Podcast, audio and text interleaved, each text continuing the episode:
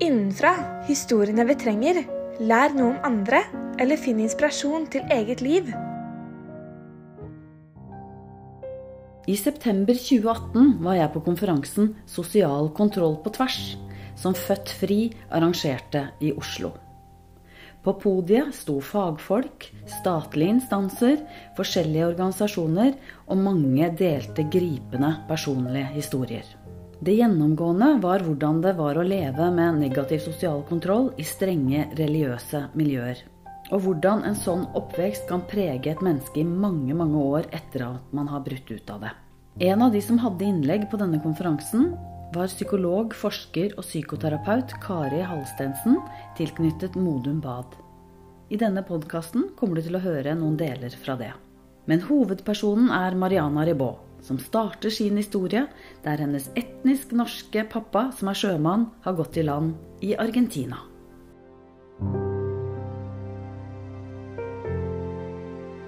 Mamma og pappa de møtte hverandre i Buenos Aires, Argentina. I jeg tror det var 75-76, før jeg ble født i 1980. Mamma hadde en sønn fra før av, som da var født i 74. Vi flyttet til Norge når jeg var fem uker. Og da flyttet vi først til Skøyen, til besteforeldrene mine. Og jeg tror tror at mamma sleit veldig mye på den tiden der fordi hun kunne ikke norsk, og jeg tror det var veldig få som snakka engelsk. Og jeg vet at besteforeldrene mine ikke snakka engelsk. De var nok sånn her i Norge, her snakker vi norsk. Og var litt sånn kalde, og her er vi blide og overfladiske, og alt er bra til enhver tid. Og så er det egentlig ikke det. Og jeg tror nok at mamma krasja veldig der, og det er en helt annen verden enn hva mamma var vant til fra hennes land. Det er en norsk greie med at man hele tiden skal være blid og fornøyd uansett. I hvert fall utad. Mamma fikk ikke lov å snakke spansk så lenge vi bodde hos besteforeldrene mine, fordi de ville at vi helst skulle lære norsk. Jeg tror ikke mamma kom sånn veldig godt overens med familien til pappa. Det ble nok litt klinsj der. Når jeg var ni år, så hadde mamma og pappa en kjempestor krangel. Og da smalt det skikkelig hjemme. Da var jeg skikkelig redd. Og da flytta mamma. Tok med seg broren min, og jeg hadde lyst til å være hos pappa. Det var vel egentlig bare hos pappa jeg hadde lyst til å være. Men jeg var jo med mamma også. Uh, og hun bodde først en liten stund på Fjellhamar. Da tror jeg hun bodde, eller leide et rom eller noe sånt hos en venninne. Hun bodde der en liten stund til hun fant et annet sted på Ammerud. Der leide hun en uh, jeg vet ikke om det var treroms eller fireroms leilighet i de høyblokkene der. Og må ha bodd et år eller noe sånt der, tenker jeg. For det var da Jovas vitne kom inn i bildet. Da var det noen folk som banka på døra, og jeg tenker nå at mamma syns det var veldig fint, fordi at de Hun følte vel at det var noen som viste henne omsorg, da. Noen brydde seg om henne. Men jeg vet liksom ikke om det var det det var, eller om at de gjerne ville levere ut blader, og at hun skulle bli Jovas vitne.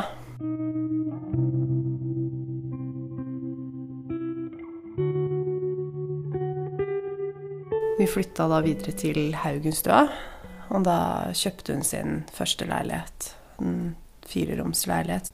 Og det var vel i 1990. Og da ble mamma og pappa skilt. Mamma hadde litt forskjellige jobber. Jeg tror hun gikk på voksenskole først for å bli bedre på norsk. Jeg syns hun var veldig god på norsk. Eh, men eh, Og så hadde hun en del vaskejobber. Ingenting fast, men jeg tror det var veldig slitsomt for henne. Hun hadde veldig problemer med ryggen sin og sånn. Men da tok hun noen kurser på Vinmonopolet. Så da jobba hun en stund der. Og da etter hvert så, så ble hun mer og mer eh, inn i Jovas vitne. At hun hadde noe som de kaller studie, hvor det kommer et par stykker og leser bøker og lærer om Bibelen og ting som Jovas vitner gjør. Og da var det alltid fremmede mennesker i stua, og jeg skjønte ikke helt hva dette var. Mamma hadde ikke så veldig mange venner, men jeg tror hun hadde et par venninner. Men det var vel egentlig mer sånn som hun spilte bingo med og kanskje være innom. Men de forsvant fort etter at hun hadde kontakt med Jovas vitner. Eh, jeg følte at mamma etter hvert som hun kom mer og mer inn i Jovas vitne, at hun ble veldig rar. Hun ble veldig sånn overfladisk, sånn overblid. Eller jeg vet ikke hvordan jeg skal Kanskje hun prøvde egentlig bare å herme etter hvordan de var, eller nordmenn var. Hun var ikke seg selv, da. Jeg følte at hun var sur og sint og gretten hjemme, mens hver gang vi kom på møter, så var hun så superblid, og alt skulle være perfekt utad. Og jeg syns ikke det var noe gøy å være med på møtet. Jeg syns det var slitsomt med at vi skulle på møte, for det var på ukedager, og det var seint, og jeg skulle på skolen. Og jeg slet nok med skolen med at jeg i tillegg skulle lære ting om Bibelen og lese, og jeg har aldri vært noe glad i å lese. Men mamma ville jo så gjerne at jeg skulle være Jehovas vitne, så hun ble alltid sint når jeg ikke ville være med. Til og med noen ganger når jeg ikke var i form og hadde feber og sånn, så tvang hun meg til å Du skal på møte. Og det syns jeg var Det var ikke noe ålreit. Det var tvang. Og i tillegg til det så måtte jeg velge venner. Eller det at jeg ikke kunne ha venner som ikke var Joas vitne. Noe de kalte verdslige. Og det syns jeg også var vanskelig, for jeg hadde ei god venninne som jeg hang mye sammen med på den tiden. Og det var så vidt jeg fikk lov å henge med henne. Det var noen ganger. Men ellers så måtte jeg velge venner fra den menigheten, og det, jeg kom aldri overens med dem. Man føler seg som et dårlig menneske. At man ikke strekker til og gjør helst det foreldrene dine vil at du skal gjøre.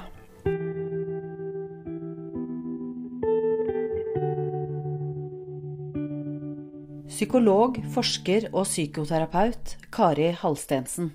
Negativ sosial kontroll kan være en type kontroll som holder mennesker innenfor rammer som ikke er sunne for dem. Som ikke gir dem denne muligheten til å bryte ut av det som de trenger å bryte ut av. Som tvinger dem til å bli værende i noe de egentlig ikke har godt av å være i. Det kan gjøre at identiteter som du gjerne vil ha, de er blokkert. Mens eh, identiteter som du absolutt ikke vil ha, de blir klistra på deg. Det skaper en utrygg identitet, og det skaper skam som bryter ned sjølbildet. Og det resulterer ofte i en ensomhet fordi du har ikke noen som du naturlig kan ha en samtale om hvor vanskelig dette er. For det er jo ofte de du er nærmest, som nettopp utøver kontrollen. Jeg var vel elleve år. Ehm, jeg var mye alene. Og lite på skolen. Ehm, det var vel også da jeg måtte stå frem fra klassen også, at jeg var Jovas vitne. Det syns jeg var vanskelig. Det var flaut og Ja. Jeg syns ikke de som jeg gikk i klasse med, var noe ufine eller noe sånt mot meg, men jeg kjente at jeg var mye alene fordi at vi hadde ikke noe å prate om. Vi hadde ikke noe felles. Eh,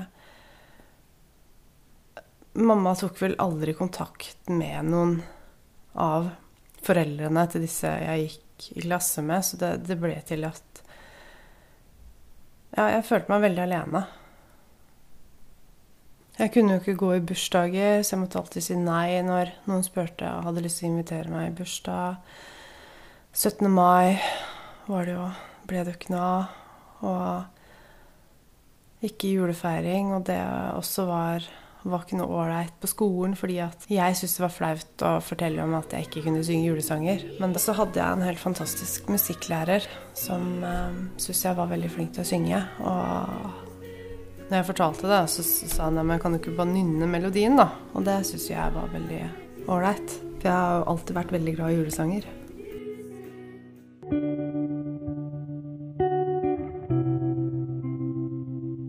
Fordi det var så stor aldersforskjell da, mellom meg og broren min. Han uh, er seks år eldre enn meg.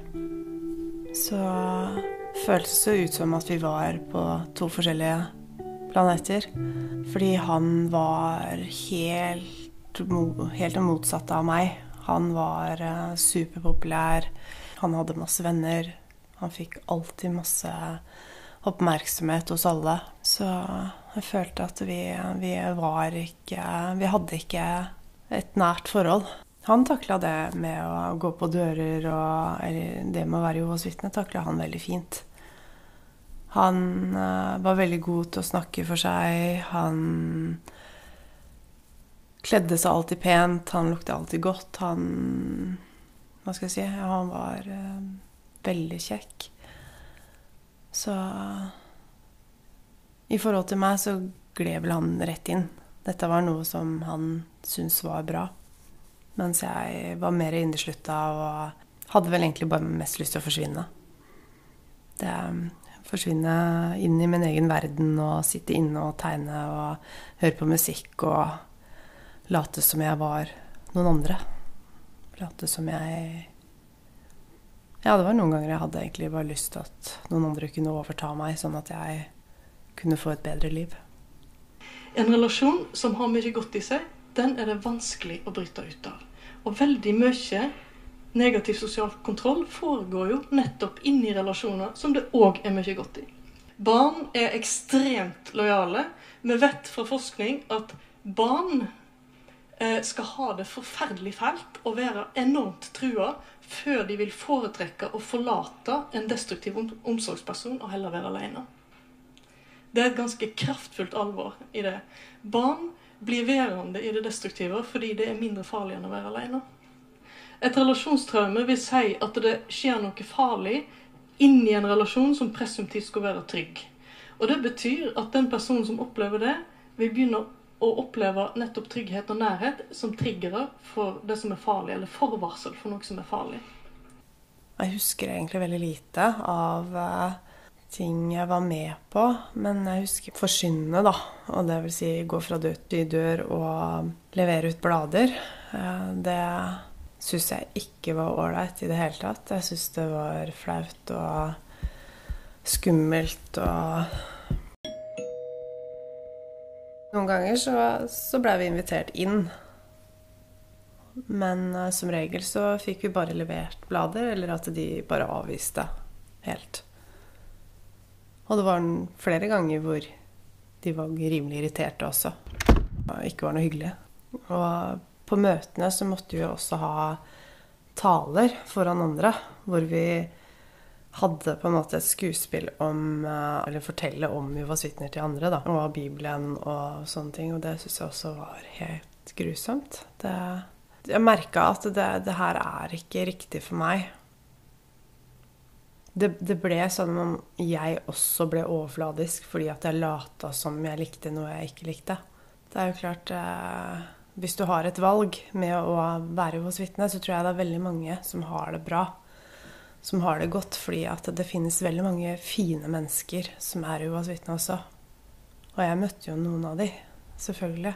Men jeg syns bare måten ting blir gjort på, at eh, det er en slags eh, Eh, styring som da skal sitte igjen lenge etter at jeg også har vært Jehovas vitne i voksen alder, med at man skal ha dårlig samvittighet når man gjør ting.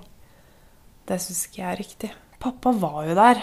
Eh, men det ble en sånn greie med at uh, mamma sa til meg at han vil jo ikke ha meg. Han er ikke interessert i at du skal reise til han. Uh, og det var tider hvor jeg hadde så lyst til å reise til pappa, hvor hun trua med å skifte lås på døra. Og det gjorde vel mer at jeg dro ikke så mye til han. Jeg var kanskje med noen ferier på hytta eller på camping. Og jeg hadde jo ikke noen egen mobiltelefon som jeg kunne ringe til han. Vi hadde jo bare fasttelefon, så når jeg ringte til han, så hørte jo mamma på alt det jeg sa. Så det var ikke lett å være åpen den gangen. Jeg var ikke åpen. Jeg hadde jo til og med problemer på skolen. Jeg ble sendt til psykologer fordi at jeg var lite på skolen. Jeg trivdes ikke der. Jeg trivdes kanskje ingen steder. Og psykologene klarte ikke å få ut et ord av meg. Jeg sa ingenting. Jeg klarte ikke å snakke. Det var så vanskelig. Jeg hadde veldig lyst å si alt og alt jeg følte, men jeg greide ikke å sette ord på noen ting. Og så var det vel det at jeg hadde ikke lyst til å såre noen. Jeg hadde dårlig samvittighet for mamma, jeg hadde dårlig samvittighet for pappa. Det var Følte at jeg gikk konstant med dårlig samvittighet og angst. Og kjempeangst for at noe skulle skje med pappa, noe skulle skje med mamma. Det Det ble jo fortalt mye rart uten at det ble forklart ordentlig, eller at jeg ikke helt forsto hva det var snakk om. Og det var vel da jeg ble veldig redd. Jeg husker at jeg var, eh, jeg var veldig mørkeredd. Jeg ble fortalt eh, at vi skulle passe oss for onde ånder og demoner og sånne ting. Da, hadde, da begynte jeg å få litt angst for ingenting at ting bevegde seg eller hørte lyder om natten. Og jeg ble jo veldig redd eh, fordi at eh, Jovas vitne snakka veldig om det som heter Armageddon og verdens ende, og at da de som ikke gikk Jovas vitne-veien, de kom ikke videre til paradiset. Og da eh, følte jeg at jeg var veldig redd for at ok, da kommer ikke pappa dit.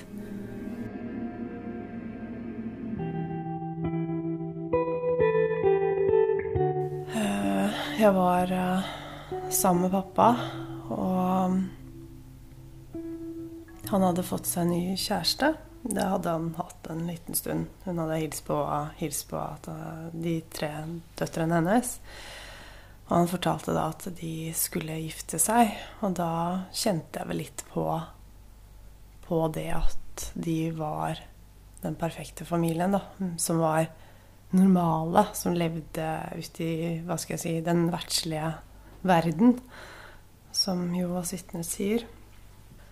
Og da greide jeg å åpne meg for pappa og fortelle hvordan jeg hadde det. Og da ville han at jeg skulle flytte til han. Og da gjorde jeg det. Da Det føltes vel egentlig ut som jeg bare stakk fra mamma. At jeg var bare innom og henta de tingene jeg trengte, og så bare dro jeg. Jeg orka nesten ikke å se på henne eller snakke med henne. Og det, det var vondt. Jeg har jo kjent på det i ettertid at det var kanskje ikke akkurat sånn veldig ålreit å gjøre det på, men det var det jeg måtte gjøre for å bare bryte ut. Etter å ha følt at du har vært en robot i så mange år og gjort alt som du egentlig ikke ville. Prøvd å gjøre, i hvert fall. Pappa hadde jo et selskapslokale som han drev. Og over det så hadde han en leilighet som han da bodde i, og det hadde han jo hele tiden. Men uh, han hadde da flytta sammen med sin nye kone. Og jeg hadde jo et gjesterom der. Uh, men jeg bodde mest uh, i den leiligheten over selskapslokalet. Og der ble jeg boende egentlig fra jeg var 15-16. Jeg husker jeg skulle feire bursdag. De hadde ordna en kjempehyggelig, koselig bursdag til meg med rosa hjertekake som det sto 16 år på.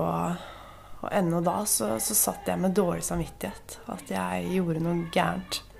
At dette her uh, får ikke du lov til. Så det Det satt, det satt i lenge. Uh, det gikk vel kanskje to-tre år før jeg snakka med mamma etterpå. Og når jeg snakka med henne da, så, så, fortalte jeg henne hvordan jeg hadde det. Og hun tror nok hun var lei seg for det. Jeg tror overhodet ikke at det var det hun mente, at jeg, skulle, at jeg skulle føle meg som en robot. Så hun ba om unnskyldning for det, men hun ville bare at jeg skulle være Jehovas vitne. Jeg hadde mye, mye, dårlig samvittighet eh, for eh, Og det har jeg egentlig hatt opp igjennom åra også, etter at jeg har vært Jehovas vitne. Med ting jeg gjør og sier og tenker og føler, til og med, som ikke er riktig i dem sine øyne. Så jeg har tatt mange år før jeg har klart å bygge meg opp igjen til å bli sterk og si akkurat det jeg mener, og være ærlig og åpen, som er den personen jeg er. Jeg liker ikke det at andre skal styre hva du skal tro på, hva du skal føle, hva du skal mene, eh, hvordan du skal gå kledd. Og jeg vil også si at jeg har eh, veldig sterke meninger på ting nå. Jeg vet hva jeg vil, og jeg står for det jeg gjør. Jeg vet hvordan det er å føle seg liten og ubrukelig. Jeg hadde jo en periode hvor jeg syntes det var vanskelig å bare gå i butikken. Fordi jeg følte at uh, At jeg ble fulgt med på. At folk uh, så rart på meg, at jeg var rar. At de kunne se tvers igjennom at jeg hadde vært Jovas vitne, eller at jeg Ja, at jeg var annerledes. Jeg var veldig redd for å gå ut av døra. Jeg hadde veldig liten selvtillit. Veldig, veldig liten. Jeg prata veldig lite med med folk. Det tok lang tid før jeg åpna meg og kunne være trygg på å være meg. Og jeg tror ikke jeg visste hvem jeg var engang. Jeg tror det tok veldig lang tid før jeg klarte å finne ut hvem, jeg, hvem er Mariana så kan man vel si at jeg prøvde å herme etter andre. Som små barn gjør. F.eks. at det er en ting som andre liker å gjøre. Og jeg syns det er veldig gøy å spille fotball. Da kunne jeg også si ja, men det syns jeg også er veldig gøy. Men jeg gjorde jo ikke det. Men det var vel egentlig det var, det var sånn jeg var. Og det tok veldig lang tid før jeg kom ut av det. Jeg tror absolutt at det skyldes uh, Jovas vitner. Uh, selv om det kanskje er en helt feil oppfatning, da. Men det var sånn jeg oppfatta det. Det var sånn jeg opplevde det. Fordi jeg hadde ikke egne meninger. Jeg var vel egentlig mye redd og hadde mye angst for å gjøre feil hele tiden. For å si ting feil. Og, så det er noe jeg har jobbet med veldig lenge.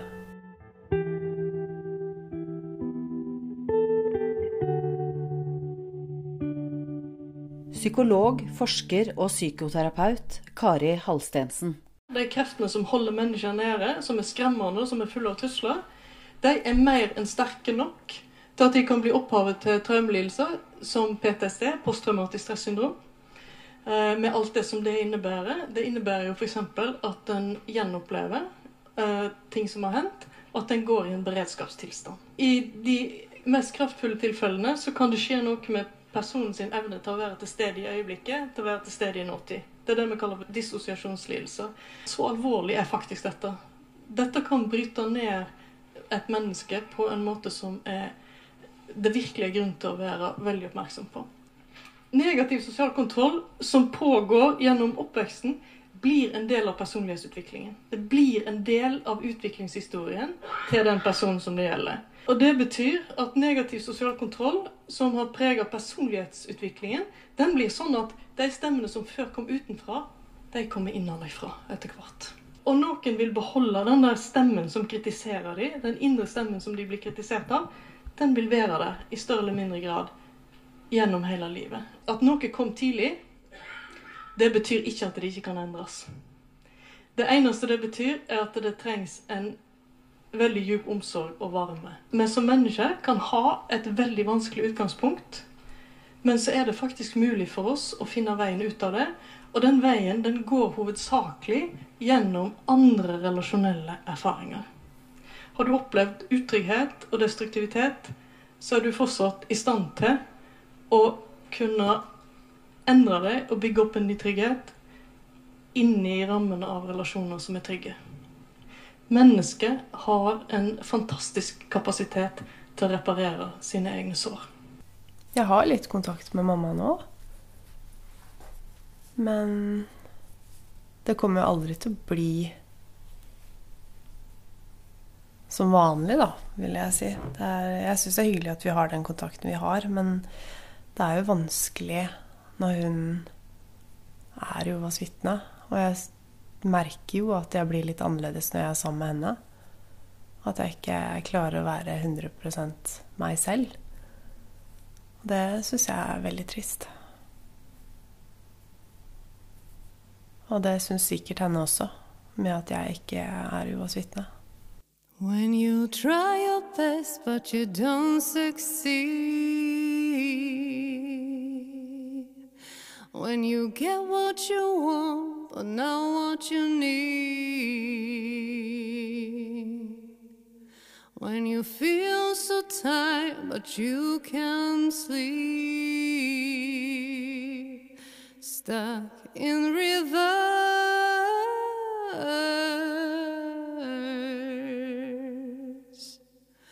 When the tears come streaming down your face.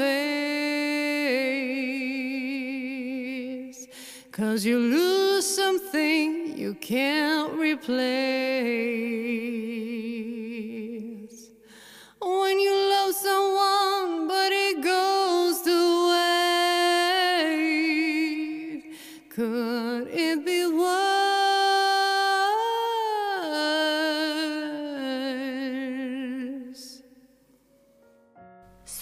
Mariana Ribaud. Du har nå hørt en podkast produsert av meg, Mona Mo. Tusen takk til Mariana Ribaud for hennes historie. Tusen takk til Kari Halstensen. Og tusen takk til Født Fri for benyttelse av lydfiler fra konferansen Sosial kontroll på tvers.